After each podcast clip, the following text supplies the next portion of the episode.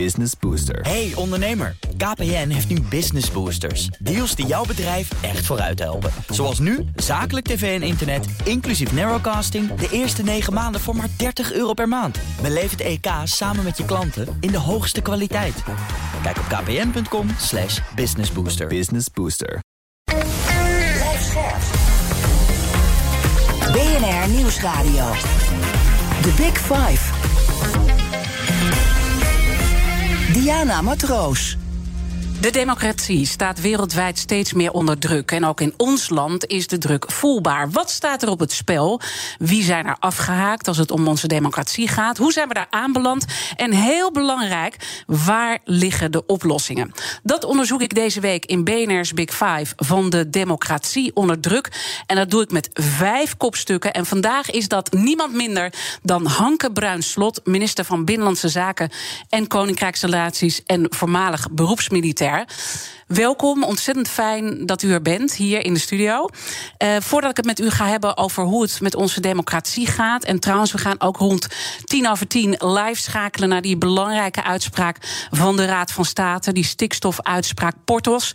Uh, maar wil ik eerst twee dingen van u weten. Het beschermen, onderhouden en vernieuwen van de democratie hoort thuis in uw portefeuille. Dat lijkt me echt een enorme opgave. Wat is voor u het allermoeilijkste binnen dat hele grote dossier, de democratie?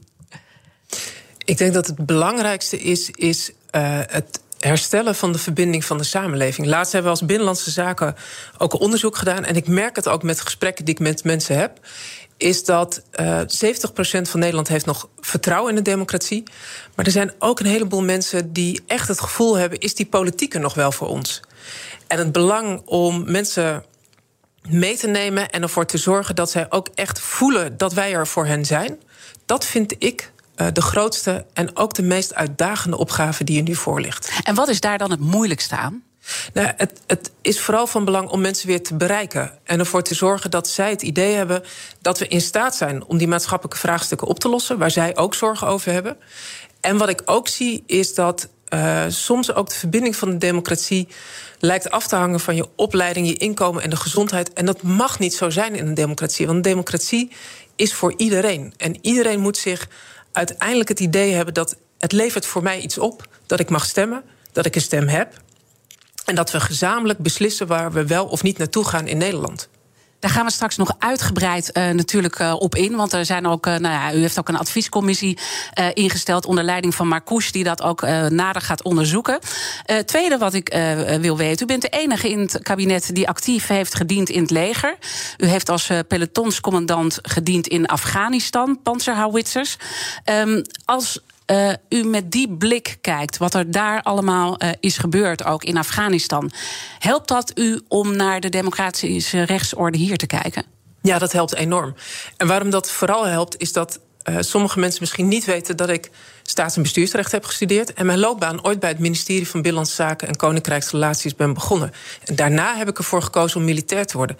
Dus ik wist eigenlijk al hoe, hoe belangrijk democratie was. Maar pas in Afghanistan, in een land waar geen democratie was, dacht ik bij mezelf: dit is, dit is ook een werkelijkheid die kan ontstaan. En democratie is dus geen vanzelfsprekend eindpunt in de geschiedenis. Dus het maakte mij wel extra bewust, gemotiveerd en alert om echt ervoor te zorgen dat we die democratische rechtsstaat die we in Nederland hebben, dat we die borgen en ervoor laten zorgen dat mensen echt ook het idee hebben: die democratie, die werkt ook voor mij. Nou, uh, zien we dat mensen dus wel, hè, u haalde het al even aan, Sociaal Cultureel Planbureau onderzoek, uh, dat nou, het overgrote deel van de Nederlanders is best wel tevreden eigenlijk met onze democratie. En toch praten wij ook deze week, uh, die democratie staat onder druk. wat ziet u in die optiek? Wat, hoe gaat het met onze democratie? Nou, je ziet er twee dingen inderdaad in. Het eerste wat u ook aangeeft is dat 70% van de Nederlanders heeft vertrouwen in onze democratie. Dat is een groot goed. Maar als je kijkt naar de rapportcijfers van het kabinet en ook van de Tweede Kamer, dan zie je dat het vertrouwen in het kabinet 49% is en het vertrouwen uh, in de Tweede Kamer 51%.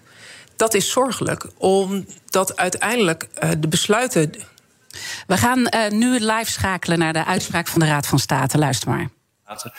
En naast mij ziet u mevrouw Nicolien Bruinissen, de griffier. Ik zal de uitspraak van de afdeling bestuursrechtspraak openbaar maken over het Portos-project. In de rechtszaak tussen aan de ene kant Mobility for the Environment, MOB, en aan de andere kant de minister van Economische Zaken en Klimaat en de minister voor Volkshuisvesting en Ruimtelijke Ordening. Het Portos-project dat maakt de opslag van CO2 mogelijk in lege gasvelden onder de Noordzee. En voor dit project is gebruik gemaakt van een algemene wettelijke bouwvrijstelling. En centraal staat de vraag of die vrijstelling mag en mocht worden gebruikt.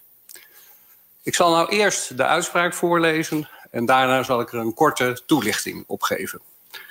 De uitspraak luidt als volgt. De bouwvrijstelling voldoet niet aan de eisen van het Europese natuurbeschermingsrecht en mag daarom niet worden gebruikt. Maar dat betekent geen algehele bouwstop. Of het Portos-project kan doorgaan, is op dit moment nog niet duidelijk. Dat zal blijken bij de einduitspraak, die later nog gaat volgen. Vandaag doet de afdeling bestuursrechtspraak namelijk een tussenuitspraak. En de procedure over het Portos-project wordt dus nog voortgezet. Dat is de uitspraak. Ik kom nu bij de korte toelichting. Ik maak graag eerst een opmerking vooraf. Nederland is een rechtsstaat. Een rechtsstaat waarin ook overheden zich moeten houden aan de wet, aan het internationale recht en het Europese recht. En van dat Europese recht maakt onderdeel uit het Europees natuurbeschermingsrecht uit de Habitatrichtlijn. De afdeling bestuursrechtspraak is van oordeel dat de bouwvrijstelling, zoals die is geregeld en onderbouwd in de wet natuurbescherming, in strijd is met dat Europese natuurbeschermingsrecht. En dat oordeel is gebaseerd op de rechtspraak van het Europese Hof van Justitie in Luxemburg. Dat Hof heeft eerder bepaald dat alleen toestemming voor een project mag worden gegeven als zeker is dat in geen enkel beschermd natuurgebied, de zogenaamde Natura 2000 gebieden, daardoor schade zal optreden. En die zekerheid geeft die algemene wettelijke bouwvreestelling niet. Bij de onderbouwing van een maatregel, ook een maatregel in de wet, zoals de bouwvrijstelling, mag, mits onder voorwaarden, rekening worden gehouden met andere maatregelen die gunstig en positief uitpakken voor de natuur. Maar dat mag volgens het Europese Hof van Justitie alleen als die maatregelen ook echt zijn uitgevoerd en als de verwachte voordelen daarvan vaststaan. En de maatregelen waarop de ministers zich beroepen, die voldoen aan die eisen niet, omdat het overgrote deel van de maatregelen nog niet is uitgevoerd. En van de maatregelen die op stapel staan, is nog maar onzeker of die verwachte voordelen zich ook zullen voordoen. Gelet op het belang dat met de bouwvrijstelling wordt gediend, en dan denk ik aan het belang van de woningbouw in dit land en het belang van de energietransitie, heeft de afdeling bestuursrechtspraak overwogen om aan het Europese Hof van Justitie in Luxemburg vragen te stellen. Vragen of er aanleiding is zijn rechtspraak te nuanceren. Maar daarvoor heeft de afdeling bestuursrechtspraak uiteindelijk niet gekozen. En die keuze om geen vragen te stellen is gebaseerd op een beoordeling van de verschillende maatregelen die volgens de ministers per 2030 tot een afname van stikstof in de natuur zullen gaan leiden. Die maatregelen voldoen ten eerste niet aan de eisen die het Europese Hof stelt, maar ook los daarvan zijn ze onzeker. De meeste maatregelen moeten nog concreet worden uitgewerkt, moeten nog worden geregeld en uitgevoerd. En bovendien hebben de ministers het effect van een flink deel van die maatregelen niet in eigen hand. Dat effect is namelijk afhankelijk van de vrijwillige deelname door ondernemers. En anders dan de ministers hebben bepleit, is die onzekerheid niet op te lossen met meer wettelijke regels, met doelstellingen en ook niet via monitoring of bijsturing. En daar komt nog bij dat de bouwvrijstelling onbeperkt kon worden ingezet, zonder beperking in de tijd en zonder beperking naar locatie. En bovendien gold die niet alleen voor woningbouwprojecten, maar ook voor grote meerjarige infrastructurele projecten. Al met al staat dus niet vast dat de positieve effecten voor de natuur van die maatregelen opwegen tegen de negatieve effecten van stikstofneerslag door de bouwactiviteiten die de bouwvrijstelling mogelijk maakt. En de algemene wettelijke bouwvrijstelling voldoet dus niet aan de eisen van het Europese natuurbeschermingsrecht. En de conclusie moet daarom zijn dat de bouwvrijstelling niet kon, maar ook niet kan worden gebruikt. Wat betekent dit nou voor de bouwsector? Hoewel de bouwvrijstelling door deze uitspraak van tafel is, betekent dat niet dat de bouw in Nederland op slot gaat en dat er een algehele bouwstop geldt.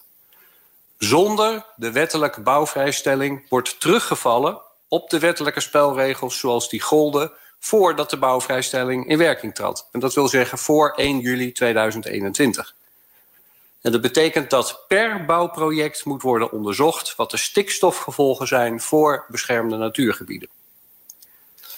Is dit nou het einde van het Portos-project? Nee, die conclusie kan op dit moment niet worden getrokken. Voor het Portos-project had geen gebruik gemaakt mogen worden van die algemene wettelijke bouwvrijstelling. Er is gericht onderzoek nodig naar de stikstofgevolgen van het Portos-project. Dergelijk onderzoek is al gedaan, maar het is door Portos te laat in de procedure ingediend. En daarom krijgt de Milieuorganisatie nu eerst zes weken de tijd om op dat onderzoek te reageren. Daarna zal de afdeling bestuursrechtspraak de procedure voortzetten en dus later een einduitspraak doen. De rechtszaak over het Portos-project is dus nog niet afgelopen. Dit was de korte toelichting. De volledige tekst van de uitspraak is op dit moment gepubliceerd op de website. Ja, we hoorden hier uh, de uitspraak is dus een uh, scenario 2 uiteindelijk uh, uitgekomen. Eigenlijk een tussenfase waar we nu in zitten. Overigens voor de mensen die het willen blijven volgen, we hebben een livestream ook aanstaan. ga naar bnr.nl, wil je dat volgen, maar blijf vooral ook bij dit gesprek. want natuurlijk, mijn gast vandaag is de minister van Binnenlandse Zaken, Hanke Bruins-Slot. We hebben samen naar geluisterd. ja, ik denk dan, oké, okay, het is het is niet de bouwstop, hè, dat zegt uh, de rechter ook hier heel duidelijk. Maar dit gaat wel ontzettend veel tijd kosten. Wat is uw eerste reactie? Nou, allereerst vind ik het uh, knap hoe helder uh, deze rechter dit uitlegt. want het is een, een echt een. je hebt heel veel technische termen rond stikstof. En hij, hij legt echt heel duidelijk uit: het is geen bouwstop, maar er moeten wel andere zaken gebeuren. En je merkt ook dat, en dat is voor het kabinet ook van belang. We, we, moeten echt heel veel huizen bouwen. Daar is een enorme behoefte aan. En dat erkent hij ook in deze uitspraak. Ja, het is nu vooral van belang dat verantwoordelijk ministers, uh, onder andere de minister voor Volkshuisvesting en Ruimtelijke Ordening, hier zo snel mogelijk ook gewoon een analyse van maken. Mm -hmm. En ja, dat zegt de rechter eigenlijk ook weer de vervolgstappen gaan zetten. Ja, als het gaat over het onderwerp wat wij vandaag bespreken, uh, hij refereert ook echt aan die rechtsstaat. Hè? Dat, dat daarom deze uitspraak ook uh, gedaan wordt. Heeft hij daarin een punt? Dat we dat ja, heel streng ook moeten bewaken en dat dit ook in zo'n democratie ook de rol is van zo'n rechter. Ja, in een democratie uh, heeft iedereen een belangrijke rol en die moet hij onafhankelijk kunnen vervullen. Dat gaat over de Tweede Kamer, de Eerste Kamer. Dat gaat uh, ook over de journalistiek, die een belangrijke rol heeft als het gaat om uh, onafhankelijke nieuwsvergaring. En ook de rechter. En de rechter moet kunnen oordelen over de kwaliteit van de wetten die we hebben, ja, waar we over hebben gestemd, of waar de Tweede Kamer en de Eerste Kamer over hebben gestemd, of dat voldoet aan andere eisen die er zijn. En uh, dan toetst hij ook aan de Europese vereisten. Ja, toch hè, uh, dit wordt dus uh, uiteindelijk gaan dingen veel langer duren. Hè. Er moet nu steeds per project heel goed onderzoek worden gedaan. Dit doet denk ik ook iets met het onderling vertrouwen. En vertrouwen is ook heel erg belangrijk voor een democratie. De Raad van State adviseerde eerder om deze weg niet op te gaan. Uiteindelijk ja, doet het kabinet dat wel, ook met goede bedoelingen, om gewoon de tempo erin te houden. En soms moet je ook een beetje ja, door de vingers uh, kijken. En dan toch nu weer uh, dat uitstel. Wat doet dat met onrust in een samenleving, denkt u? Ja, misschien is het ook wel goed om uit te leggen dat de Raad van State. Uh, want u had het inderdaad over de adviserende rol. Dat doen ze bij een wetsvoorstel. Uh, en uh, wat u aangeeft is dat de Raad van State bij een wetsvoorstel kan aangeven... ja, misschien is dit niet uh, helemaal goed onderbouwd of zien zij dat anders. Dat doet de Raad van State eigenlijk best wel vaak... bij voorstellen die we als kabinet hebben. En het gebeurt ook wel regelmatig dat we daar als kabinet... maar ook de Tweede Kamer van afwijken omdat we uh, zelf ook uh, het idee hebben dat er een goede onderbouwing is, waardoor we wel die stappen kunnen zetten. Omdat, nou ja, en, en dat, of dat nou om de woningbouw gaat, of bijvoorbeeld om een, een wetsvoorstel rondom. Um, de bescherming van klokkenluiders. Dat we het idee hebben, maar als we deze stappen zetten, dan is dat ook stevig. En dan kan het ook gebeuren dat een rechter da daarna zegt: van, u had toch ongelijk. Wat het van belang is, is dat je op zo'n moment op het moment dat zo'n uitspraak als er nu ligt, ook duidelijkheid gaat geven wat zijn dan wel de vervolgstappen. En wat kunnen we wel doen om de resultaten te gaan bereiken. Want dat is de manier, dat ben ik ook met u eens. Dat je ervoor zorgt dat mensen wel het idee hebben: oké, er is een probleem, het wordt opgepakt en we gaan zorgen dat we het uiteindelijk oplossen. Ja, want laten we het iets breder trekken dan uh, portals ook. Hè. Het, het, het, gaat er ook, denk ik, om, uh, dat hoor ik ook van andere gasten, dat uh, het kabinet ook veel meer het eerlijke verhaal moet vertellen. En om vertrouwen, hè, want, want u refereerde er al aan, ja, we, we zijn best tevreden over onze democratie, maar heel ontevreden eigenlijk over het kabinet en de Kamer. Is dat voor u de kern, dat, dat we echt veel meer het eerlijke verhaal moeten gaan vertellen? Ja, voor mij is ieder geval persoonlijk heel erg belangrijk uh, dat ik niet meer beloof dan ik waar kan maken. Omdat uh, verwachtingen wekken bij mensen en uiteindelijk uh, dan toch het resultaat dat het tegenvalt, dat het niet kan. dat, dat doet ook iets met het gevoel wat mensen hebben van ja, kan ik hier nou op bouwen? En de manier om ervoor te zorgen dat mensen weer het idee hebben dat de overheid ook dat je daarop kan bouwen, is om betrouwbaarheid te zijn. En betrouwbaarheid krijg je door ervoor te zorgen dat je datgene doet wat je zegt. Mm -hmm. En ook zegt wat je doet. Maar, en dat is een andere kant, we moeten ook wel meer ruimte gaan geven aan de mensen die bij de overheid werken.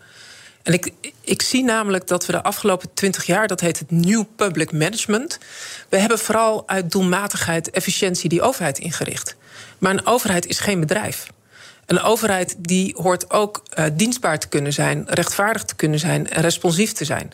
En met responsief bedoel, je dat, bedoel ik dat mensen, mm -hmm. dat een overheid ook kan luisteren uh, naar, uh, naar wat er in de samenleving gebeurt. Dat betekent niet altijd dat je precies moet doen wat ja. mensen willen, maar wel dat je die kans daarvoor krijgt. En als ik ook in gesprek ben met mensen die achter een balie zitten en die soms letterlijk ook gewoon het idee hebben: ik heb buikpijn bij de beslissingen die ik moet nemen, omdat ik vanuit mijn rechtvaardigheidsvoel eigenlijk vind dat deze wetten en regels niet goed uitwerken. Ook daar moet weer meer vertrouwen en ruimte voor zijn om mensen dat vakmanschap ja, en te geven. En, en, en dat is dus het uh, boeiende, want dat zie je dus ook bij die portoszaak. Je wil juist iets meer ruimte geven. En uh, ik uh, had vorige week maakte ik een Big Five maatschappelijke leiders. En daar zat de, de bestuursvoorzitter van Volker Wessels. En die zei ook: we moeten durven elkaar meer te vertrouwen. Een beetje tussen de regels door te kijken. Ja, dat gebeurt eigenlijk een beetje met die portoszaak. Er wordt ruimte gecreëerd. En dan aan de andere kant wordt dat door de rechter weer uh, um, teruggehaald. En dat zorgt dus voor heel veel onduidelijkheid. Ja, en soms gaat het dus uh, minder goed. Uh, ja. Maar er zijn ook heel veel. Moeten we toch blijven doen. Ja, nou, nou, en een van de zaken waar ik ook mee bezig ben, uh, is dat we nu ook bezig zijn om. en dat, ja, dat is een technisch begrip, hardheidsclausules. Mm -hmm. Maar je hebt gewoon soms dat je precies de regels van de wet volgt. En dat het heel rechtmatig is. Dus het klopt allemaal, maar het is super onrechtvaardig. En dan moet er ook meer ruimte zijn uh, in een wet om in individuele omstandigheden te zeggen: ja, maar dit kan je iemand niet aandoen. Bijvoorbeeld uh, als het gaat om schulden of andere zaken. Dus hier moet je een uitzondering op kunnen maken. En met hardheidsclausules in wetten krijg je daar meer mogelijkheden voor. Een tweede mogelijkheid is. Uh, en dat zijn de instrumenten die ik heb als minister. Ja, ja, ja. Uh, is het meer mensgericht maken van de algemene wet bestuursrecht. En ik hoop dat mensen nu blijven luisteren en bij de radio niet denken dat dit gaat te ver. Saai. Nee. Saai. En, uh, nee, maar de overheid heeft allerlei procedures en processen te maken. En ik denk dat een heleboel ondernemers die nu luisteren echt wel het idee hebben: oh ja, dat weet ik. Want als ik iets nodig heb van de overheid, dan moet ik precies op het juiste tijd met de juiste formulieren. En als ik dan maar even iets vergeet, dan ben ik gelijk gewoon weer uh, terug bij start. Mm -hmm. Um, en met die wetswijziging, met de minister voor Rechtbescherming, willen we echt kijken dat uh, een gemeente of een provincie of ook het Rijk bij kleine fouten waarvan je zegt: ja, het is eigenlijk gewoon heel menselijk dat dit gebeurt. Bijvoorbeeld, mijn moeder is overleden, dus ik heb de termijn gemist. Dat je dan toch kan besluiten: oké, je hebt niet de formele termijn gehaald, maar we gaan wel door met dit proces. Ja, en eigenlijk uh, door al uw woorden heen. Ik heb ook uh, nou ja, eerdere speeches van, van u gezien. Uh, u noemt het daar ergens de, de software. We moeten ook veel meer naar die softe kant kijken. En daar maakt u meteen even de grap. Ik hoop dat de mensen niet wegschakelen. Dat vinden we best wel lastig. als ik naar de Kamer ook kijk, hoe men daar met elkaar omgaat. Dat is niet bepaald te noemen software wat we daar zien. Ja, en daar zijn wel Um, ik vind het wel van belang om, om daar wel iets heel duidelijks over aan te geven. Ja. De schijnwerper staat vaak over debatten waarin de harde woorden worden gebruikt. En daarvan vind ik zelf ook, uh, je moet op de bal spelen en niet op de man. Uh, en je moet ook fatsoenlijk zijn, want mensen kijken naar je. Je hebt een voorbeeldfunctie. Maar ik heb ook een heleboel debatten uh, met Kamerleden. Die zijn hartstikke inhoudelijk. We hebben de grootste grondwetsherziening gehad sinds 1983. Afgelopen drie, vier maanden, of in ieder geval de afgelopen half jaar dat ik ben. Het gaat over een eerlijk proces wat nu in de grondwet zit. Uh, over uh, vernieuwing van, van het telecommunicatiegeheim. Dat wil zeggen dat de overheid zorgvuldiger moet omgaan met, met alle gegevens rondom privacy en dergelijke. Die debatten, nou, dat is op de inhoud gegaan. Uh, met met uh, hoogleraren erbij en citaten. En, en iedereen gewoon echt deskundig, al de Kamerleden. En op zoek naar het, het wijzigen van de grondwet. Ja, daar staat de schijnwerper niet op. Maar dat, zijn, dat, zijn, dat is echt het werk wat onze Kamerleden ook doen. En, en, en, en, en spreekt u daar ons ook op aan en mij op aan, hè, media, eh, in de breedte, dat wij ook te heigerig zijn geworden en op die excessen continu gefocust zijn? Nou ja, dan vind ik het ook mooi dat in deze week dat, dat uh, BNR het heeft over het belang van democratie. En ik, ik, ik, uh, ik, zou, uh, ik vind het ook mooi als, als eigenlijk, en dat noem ik onder de motorkap van de democratie, als niet alleen in de verhalen, maar ook de journalisten, maar ook Kamerleden zelf doen dat op een goede manier, ook vertellen wat eigenlijk onder die motorkap gebeurt, waardoor we ervoor zorgen dat die democratie blijft werken. Dat ziet niemand, maar het is hartstikke belangrijk. Laten we zo meteen uh, verder praten. Mijn gast vandaag is de minister van Binnenlandse Zaken, Hanke Bruins-Slot. En dan gaan we praten hoe we nou richting de toekomst die democratie uh, kunnen waarborgen. En uh, moeten we het natuurlijk ook hebben over de bedreigingen die voor zowel politici, ambtenaren, journalisten, nou noem het maar op, inmiddels aan de orde van de dag zijn en hoe we daarmee om moeten gaan. Want daarmee wordt de democratie ook behoorlijk onder druk gezet. Blijf luisteren. Business Booster. Hey ondernemer, KPN heeft nu Business Boosters. Deals die jouw bedrijf echt vooruit helpen. Zoals nu, zakelijk tv en internet, inclusief narrowcasting... de eerste 9 maanden voor maar 30 euro per maand. Beleef het EK samen met je klanten in de hoogste kwaliteit. Kijk op kpn.com slash businessbooster. Business Booster. Hardlopen, dat is goed voor je. En Nationale Nederlanden helpt je daar graag bij. Bijvoorbeeld met onze digitale NN Running Coach... die antwoord geeft op al je hardloopvragen. Dus, kom ook in beweging. Onze support heb je. Kijk op nn.nl slash hardlopen.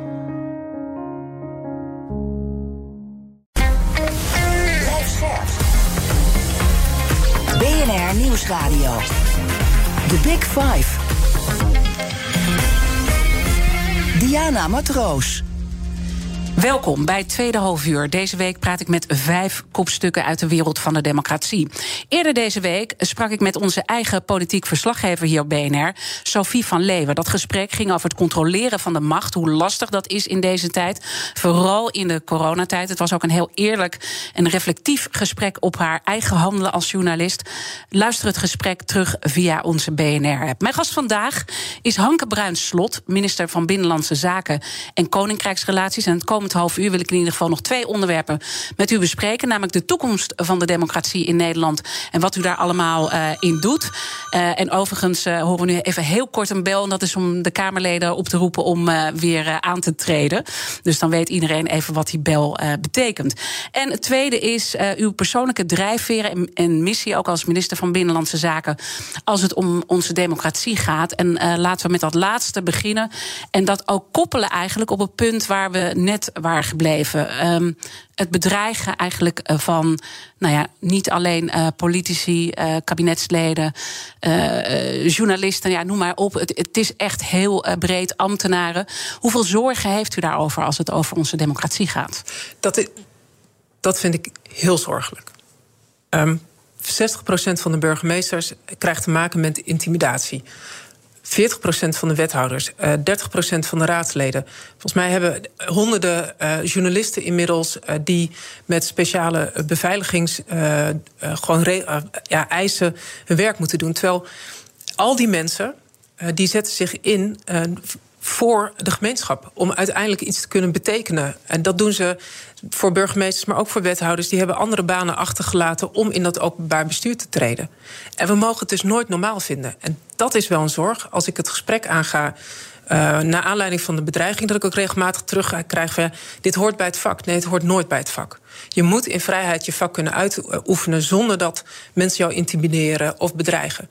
En het meeste raakt mij in die gesprekken is dat um, je dan hoort, ja, uh, ik kan er zelf nog wel mee omgaan, want het hoort erbij. Maar mijn gezin, mijn kinderen hebben er ook last van. Het raakt dus niet alleen die persoon. En dat moeten mensen zich echt realiseren als ze iets op Twitter gooien. Of als een mail sturen. Of iemand uh, uh, roepen in de supermarkt. Het, je raakt niet alleen degene die dat vak uitoefent, maar je raakt ook een heel gezin daarachter met Mhm. kinderen die naar school gaan en die daar ook last van hebben. Dus realiseer je dat. En daarom roep ik ook alle eh, bestuurders op, alle burgemeesters, wethouders en raadsleden: meld het en doe ook aangifte. En dat laatste zie je dat dat gewoon wel eh, terugzakt, omdat toch het idee is van ja. Moeten we dit dan? eh, moeten we nog wel die aangifte doen? Ja, blijf aangifte doen. Ja, nou, het is ook eh, eh, misschien ook wel spannend om aangifte te doen. Ik bedoel, dan ga je ook echt een confrontatie natuurlijk aan. Want, want dat is even los van wat het, de impact is op een, op een gezin. Hè. Heel goed dat u dat adresseert, want dat is, dat is natuurlijk heel heftig. Maar men wordt ook monddood gemaakt. Nou ja, en en het, het grootste risico is dat in de afwegingen die een ambtenaar maakt eh, aan de balie om een vergunning te verlenen, of eh, een burgemeester eh, of een journalist, dat je op een gegeven moment jezelf gaat censureren in datgene wat je gaat doen. Maar dan, dat is echt, dat is echt heel schadelijk voor een democratie als je daarin jezelf beperkingen gaat opleggen. Je ziet ook wel verschillende voorbeelden van. Ik ken ook de verhalen eh, van burgemeester die uiteindelijk degene die zo'n mail heeft gestuurd heeft uitgenodigd. En dat dan nou, een jonge man bijvoorbeeld van 26 op, op, op het gemeentehuis komt om dat gesprek te voeren. En op dat moment pas denkt, ja, en, en ook letterlijk zegt: Ik had niet gerealiseerd dat dit het effect was. Maar er zijn ook mensen die het moedwillig doen. Ja, en dan hebben we ook een rechtsstaat. En dan hebben we ook een rechter die daarover mag oordelen. En uiteindelijk ook gewoon kan laten zien en merken eh, dat hier de grens bereikt is. Ja, maakt u het zelf ook wel eens mee? En, dat- en dat u het zelf ook moeilijk vindt, eh, nou, hoe u daarmee om moet gaan? Ik, ik, eh, relatief gezien heb ik, is het relatief rustig, om het zo maar te zeggen. Mhm. Dat Maar zou ik- eigenlijk erg dat je dat moet zeggen. Nee, maar, Ja. maar, maar ik kan misschien wel een voorbeeld van vroeger eh, naar voren brengen. Want mijn vader was burgemeester. En eh, ik kan me nog echt zo goed herinneren. Ik was een jaar of dertien. Dat was wat mensen. Ik ben eh eh 45. Dus nou, als mensen terugrekenen, weten dat als je 13 bent. In mijn tijd had je gewoon alleen nog de, de lijn thuis. waar alle telefoontjes We overheen. zitten, we zitten op hetzelfde spoor wat dat betreft. ja, precies. Ja. en, en, en je stond ook gewoon nog in het telefoonboek... waar mensen je gewoon konden opzoeken. En ik kan me nog heel goed eh, een telefoontje herinneren... van een hele boze meneer. Eh, daar was iets mee aan de hand. En die zei van ja... eh, en, en die nam ik dus op en die zei... als ik nu niet word geholpen, dan rijd ik mijn vrachtwagen... in, puin, in de puin van uw huis en ik weet waar u woont. Heel heftig. Ja, en het enige wat ik toen kon zeggen is dat... mijn ouders zijn helaas niet thuis. Wilt u misschien over anderhalf uur terugbellen, want dan is mijn vader... En, dat- maar dat zegt ook iets over u. U bent misschien ook eh, heel rustig en eh, onderkoeld bijna, hoe u daarmee omgaat. Nou, nee, want ik bedoel, het feit dat ik dit nog eh 30 jaar later herinner, wil zeggen dat het wel gewoon indruk heeft gemaakt. Ja. Maar dat was wat je op dat moment kon doen. Maar dat laat, dat laat dus ook zien dat het dus niet alleen de, de, de functie raakt, maar het raakt ook de familie daarachter.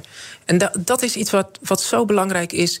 Om daarom ook te zeggen: je nooit acceptabel, nooit normaal. En ook de mensen die een keer in boosheid denken: nou gooi ik het op Twitter. Denk alsjeblieft even twee keer na. Ja, eh, dit, dit heeft natuurlijk ook met rolmodellen te maken, hoe mensen zich gaan gedragen in de maatschappij. Want het is ook interessant om na te denken, hoe zijn we tot dit eh, punt gekomen? En ehm, u gaf net aan van, we zijn wel erg gericht op de negatieve excessen. Hè, misschien als het gaat om het verslaan wat er in de Kamer gebeurt. Of laat ik het anders formuleren. U zegt eigenlijk, als we hele inhoudelijke gesprekken hebben, dan, dan krijgt dat niet zoveel eh, eh, aandacht. Toch die rolfunctie die ook de Kamerleden eh, hebben, die de ministers hebben. Ja, daar kijken wij natuurlijk als samenleving allemaal naar. Als mensen daar als reptielen en spionnen worden, worden uitgemaakt. Dan doet dat natuurlijk iets met een samenleving. Hoe, hoe moet u daarin opereren? Wat, wat kunt u daaraan doen? Als de minister realiseert me dat ik een voorbeeldfunctie heb. En dat dat ook betekent dat mijn woorden ertoe doen. En ook de manier waarop ik dat formuleer, eh, dat dat dus helder en duidelijk moet zijn. En als ik daarin het slechte voorbeeld geef, dat andere mensen ook daar een reden in zien om dat te gebruiken. Want als het in de Tweede Kamer gebeurt en als een minister het doet, ja, hallo, waarom kan ik dan niet dat soort teksten gebruiken? En wat mij dan eh, zorgen baart, is dat ik laatst ook een leraar sprak die zei: Ja, ik gebruik eigenlijk niet meer echt debatten bij de voorbeelden voor maatschappijleer. Eh, Want eh, dat soort taal, eh, dat, dat, dat kan ik echt niet in de klas vertonen. En toen dacht ik, oeh, dit, dit moeten we niet hebben. En, en, en dan denkt u, dit moeten we niet hebben. En u bent echt iemand van de inhoud en niet van de vorm. Hè? En dan zie je dat het ook in de Kamer heel vaak uh, gaat over de vorm. Ook gisteren uh, met het verdrietige vertrek eigenlijk van uh, Ariep. en nou ja, de discussie van een aantal onafhankelijke Kamerleden die zeggen: we willen dat dit onderzoek stopt, vallen ook weer hele harde woorden. Ehm, wat, wat, wat, wat kunt u daar nou aan doen? Ja, Vanuit uw taak ook om, om die rechtsorde te versterken en te onderhouden en te vernieuwen. Ja, de, de Kamer die gaat echt over haar eigen orde, zoals dat heet. Die gaat echt over hoe zij zelf optreedt in huis. Het is natuurlijk ook parlementaire onschendbaarheid. Dus je mag alles zeggen uh, wat, uh, wat je wil uh, in de Kamer zonder dat je daarvoor vervolgd kan worden. Maar dat betekent niet dat je alles moet zeggen. Alleen daar gaat de Kamer wel zelf over. Dus het is ook van belang dat zij zelf daarin elkaar beperken. En dat je uiteindelijk op de bal speelt en niet op de man. Ja. Als ik kijk naar het onderzoek van het Sociaal Cultureel Planbureau, wat, wat u ook aanbracht, maar wat ik ook herken in de gesprekken met mensen, is dat mensen zijn, hebben behoefte aan dat de problemen opgelost worden. Uh, dat we ervoor zorgen dat rondom de stikstof, de koopkracht, dat er stappen gezet worden, dat we zien dat het beter gaat, dat er heipalen in de grond komen. En dat, daar hebben mensen behoefte aan. Ja, en, en, en die hebben niet behoefte aan dat circus wat we elke keer zien. Ik merk dat ik daar zelf ook naar worstel als ik uh, uh, daarnaar kijk. En u zegt terecht, dit is echt een, een rol van de Kamer uh, die gepakt moet worden. Maar u heeft wel een belangrijke taak om die. Uh, nogmaals, die belangrijke punten rond de democratie, om, om dat te, te versterken. En dit is natuurlijk wel een cruciaal uh, onderdeel. Het vertrouwen is ook heel erg uh, laag vanuit de samenleving richting Kamer en uh, kabinet. Dus het, ja, het lijkt me wel een, een spanningsveld voor u dat u er niks aan kan doen, terwijl het zo belangrijk is? Ja, ik kan op punten natuurlijk wel, wat we hadden uh, zo net het over inderdaad het bedreigen van burgemeesters en wethouders. Daar heb ik een taak en functie om ervoor te zorgen dat er goede ondersteuning is. Dat mm -hmm. op het moment dat het gebeurt, dat mensen ook binnen het netwerk onder, uh, ondersteuningsteam weerbaar bestuur, dat zijn mensen die ervaringsdeskundig zijn, dat ze met elkaar contacten op hebben. Hoe gaan we hiermee om? Ik werk samen met het Nederlands Genootschap van Burgemeesters aan veiligheidspakketten om ervoor te zorgen dat burgemeesters ook in een veilige omgeving kunnen wonen. En uh, we zijn ook aan het kijken bij gemeentelijke organisaties hoe we kwetsbaarheden in de organisatie voor ondermijning, hoe we dat kunnen aanpakken. Dus mm -hmm. daar liggen mijn mogelijkheden uh, en die pak ik ook om ervoor te zorgen dat we dat uh, sterker en krachtiger kunnen maken. Ja, en zo zijn er wel meer dingen, uh, punten uh, die u naar voren kunt brengen, namelijk het verkiezingsproces versterken. ik begrijp dat u het ronselen van stemmenswaarden wil bestraffen. dat zijn dus ook van die voorbeelden die u pakt. Maar ook mensen meer betrekken bij de lokale politiek. Want dat is ook goed om daarover na te denken. Van los wat we zien bij het kabinet en de Kamer. Ehm, hoe, hoe kan het nou dat mensen gewoon afhaken. Uh, en ik, ja, ik, ik, ik kan dat niet echt. Uh, um, ik doe nu uh, eventjes met mijn twee vingers omhoog. Maar u begrijpt dat wat, wat ik bedoel. Afhaken vindt u zelf een naar woord. Maar er is wel een belangrijk onderzoek van, naar gedaan. Wat heel erg belangrijk is voor uw verdere beleid. Ja, en, en dat onderzoek dat heb ik zelf, of heeft het ministerie van Binnenlandse Zaken ook zelf in gang gezet. Ja. En dat gaat eigenlijk om de redenen waarom mensen zich niet meer verbonden voelen met de democratie. En degenen die het onderzoek uh, hebben gedaan, hebben daar de titel Afgehaakt Nederland aangegeven. Wat ik belangrijk vind uh, om daarover te zeggen. Dit zijn mensen die niet meer hun stem uitbrengen. Maar dat wil niet zeggen. Uh, ze zijn wel degelijk nog maatschappelijk actief. Ze zetten zich in voor de mensen in hun omgeving. Alleen ze hebben het vertrouwen verloren dat hun stem iets waard is op het moment dat ze dat, dat uitbrengen. En wat, je, wat we echt ook moeten doen in het vernieuwen van de democratie, is dat we mensen meer de mogelijkheid geven om invloed uit te oefenen op de keuzes van de gemeente. Uh, of de keuze van de gemeente uh, of van de provincie tussen de ene en de andere verkiezing. En een van de mogelijkheden die ik daarvoor nu heb, is dat ik de gemeentewet aanpas, waarbij een participatieverordening wordt verplicht gesteld en het uitdaagrecht. En het is niks anders dan als mensen zelf het idee hebben dat in hun wijk ze zaken beter kunnen aanpakken, dat ze tegen gemeente kunnen zeggen: mag ik dit doen? En dat de gemeente zegt: Ga uw gang en we helpen u erbij.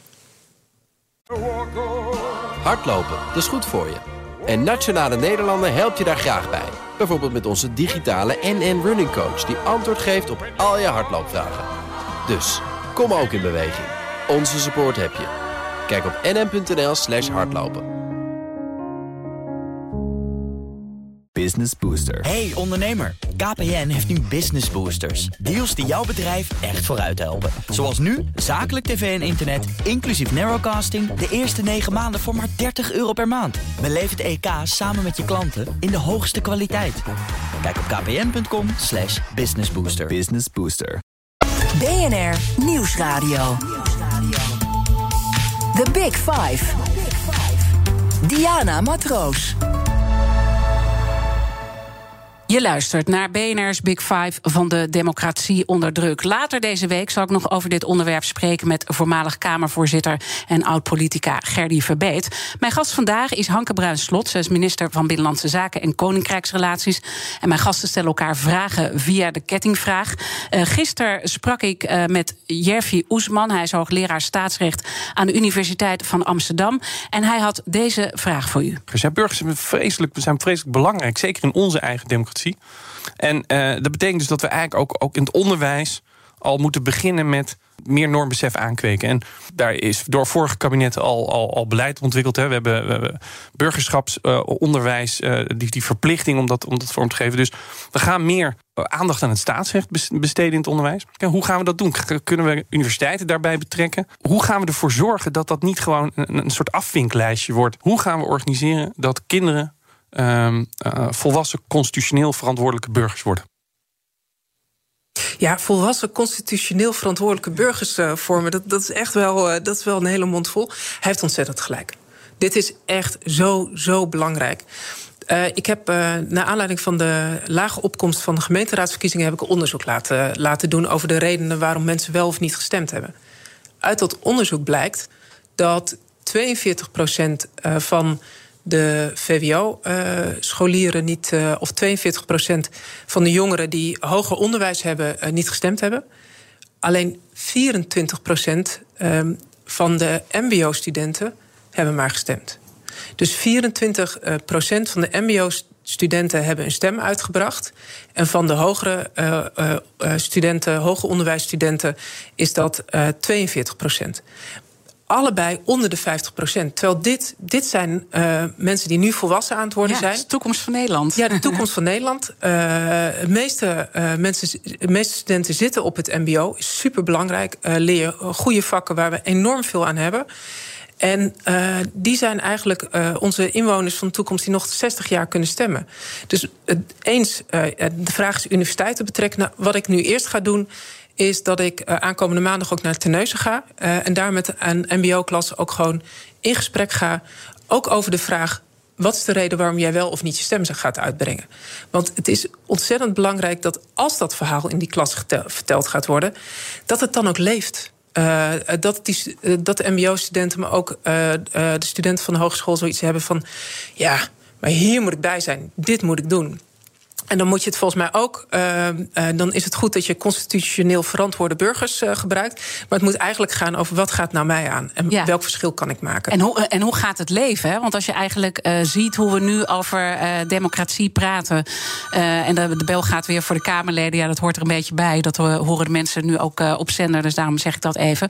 Ehm, dan gaat het er natuurlijk ook om dat we leren wat die democratie eigenlijk weer is. Zijn we, zijn we het gevoel kwijtgeraakt wat het is? Als je op een gemiddelde verjaardagsfeestje dat bespreekt, weten mensen nog goed wat het inhoudt. Ja, en daar moet je dus ook beginnen bij de jeugd. Dat is ook een van de redenen dat ik als minister van Binnenlandse Zaken ook Prodemos uh, subsidie geef. En Prodemos, ja, de, u zal dat weten omdat u hier nu in het Tweede Kamergebouw staat. Maar dagelijks zijn hier enorm veel schoolklassen. Ja, ik zie ze altijd als ik hier vertrek, inderdaad. Klopt, ja, en, en, die lopen de hele dag ja. in en uit. En dat is hun kennismaking met de politiek. Uh, dat regelt uh, Prodemos. Die gaan ook het land in voor mm -hmm. scholen die verder weg zijn van Den Haag om daar het verhaal te vertellen.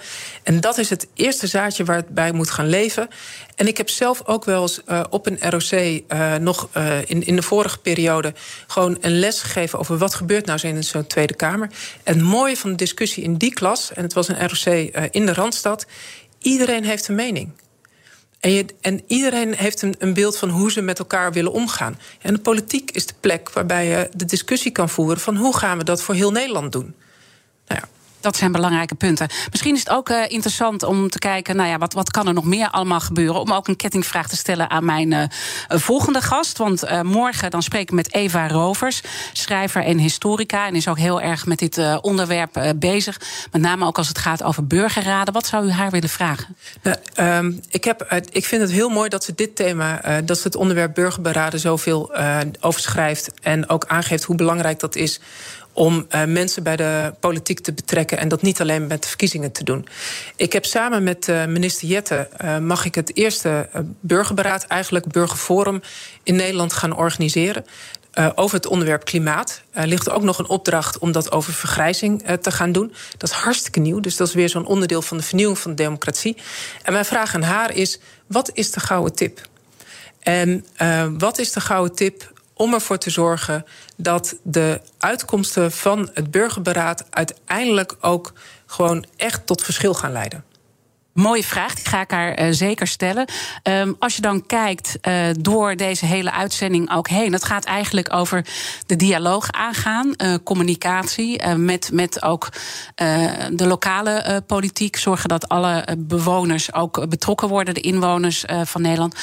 Waarom vindt Politiek Den Haag het zo moeilijk om te communiceren eigenlijk. Hè, en dat contact uh, te zoeken. Dat is natuurlijk jarenlang misgegaan. We kennen allemaal uh, de voorbeelden ook met, uh, met de vreselijke uitwassen met een toeslagenaffaire, waar dat allemaal toe, toe heeft geleid. Maar waarom vinden we het zo moeilijk dat we zelfs nu een Remkes eigenlijk moeten neerzetten om het gesprek met boeren goed te gaan voeren? Ja, uiteindelijk ligt die opdracht natuurlijk gewoon bij onszelf om uh, de verbinding met de samenleving te herstellen. En dat betekent niet alleen op deze vierkante kilometer in Den Haag mhm. blijven, maar vooral uh, uh, naar buiten gaan, het gesprek met mensen voeren. En uiteindelijk ook ervoor zorgen uh, dat wat je uit die gesprekken haalt, dat je ook tegen mensen kan zeggen: Ik heb er iets mee gedaan. Mm -hmm. uh, want luisteren is één, uh, het horen is twee.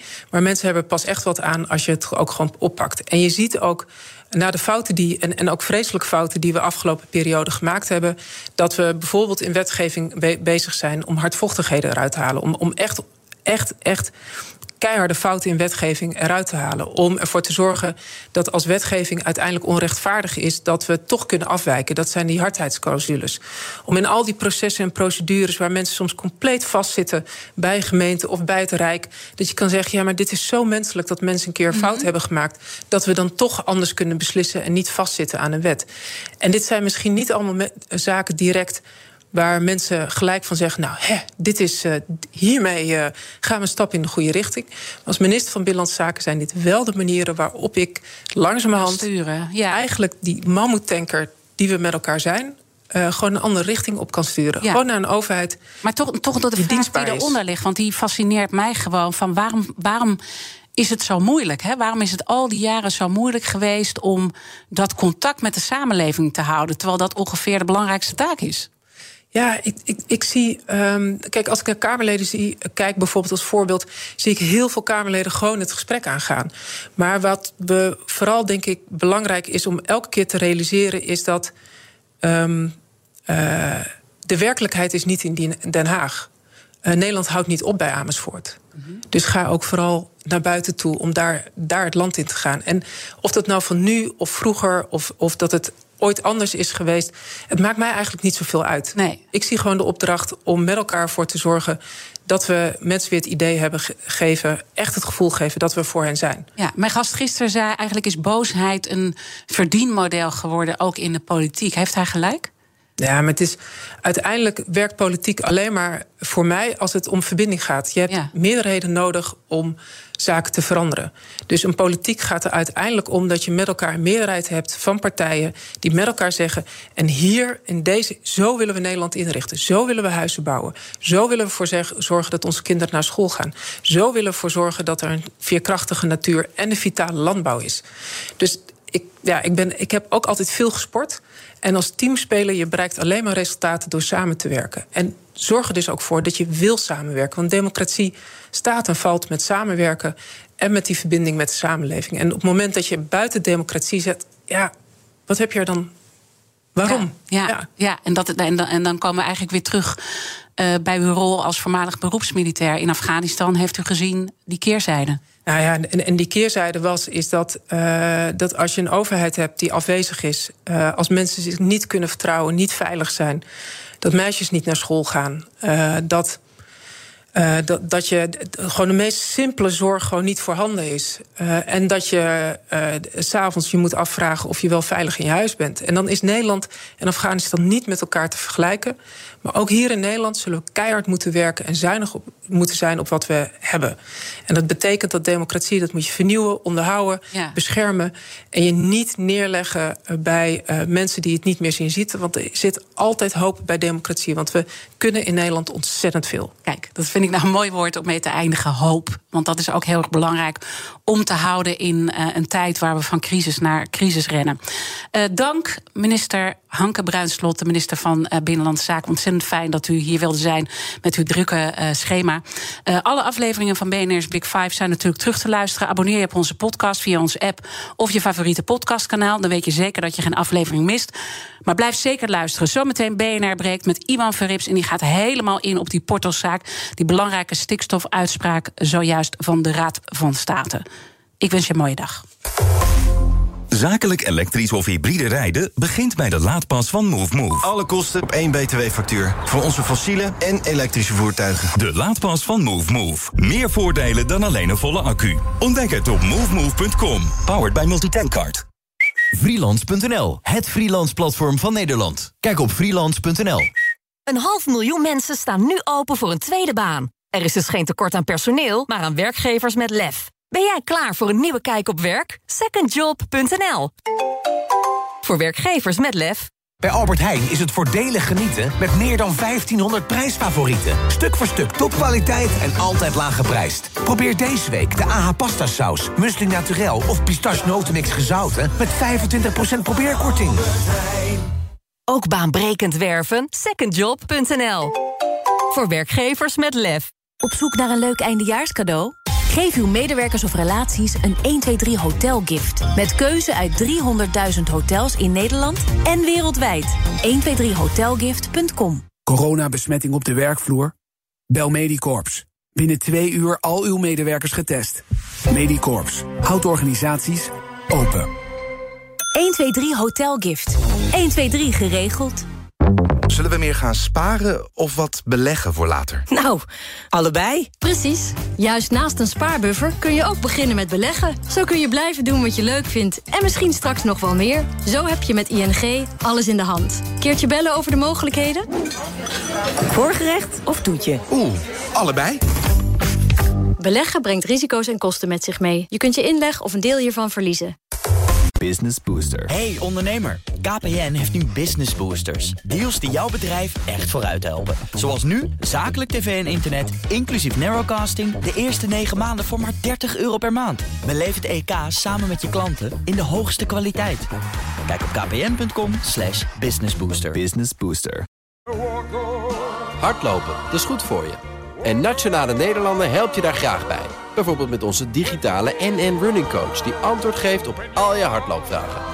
Dus, kom ook in beweging. Onze support heb je. Kijk op nn.nl slash hardlopen.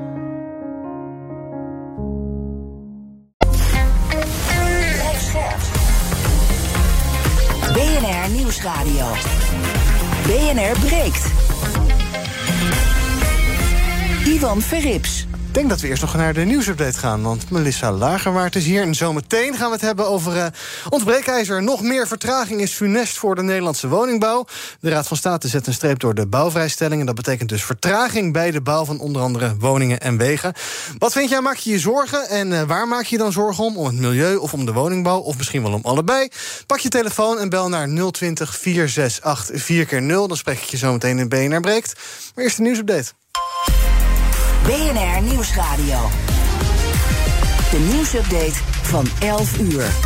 Goedemorgen, ik ben Melissa Lagewaard. De Raad van State heeft beoordeeld dat de bouwvrijstelling niet voor... Business Booster. Hey ondernemer, KPN heeft nu Business Boosters. Deals die jouw bedrijf echt vooruit helpen. Zoals nu, zakelijk tv en internet, inclusief narrowcasting... de eerste 9 maanden voor maar 30 euro per maand. Beleef het EK samen met je klanten in de hoogste kwaliteit. Kijk op kpn.com slash businessbooster. Business Booster.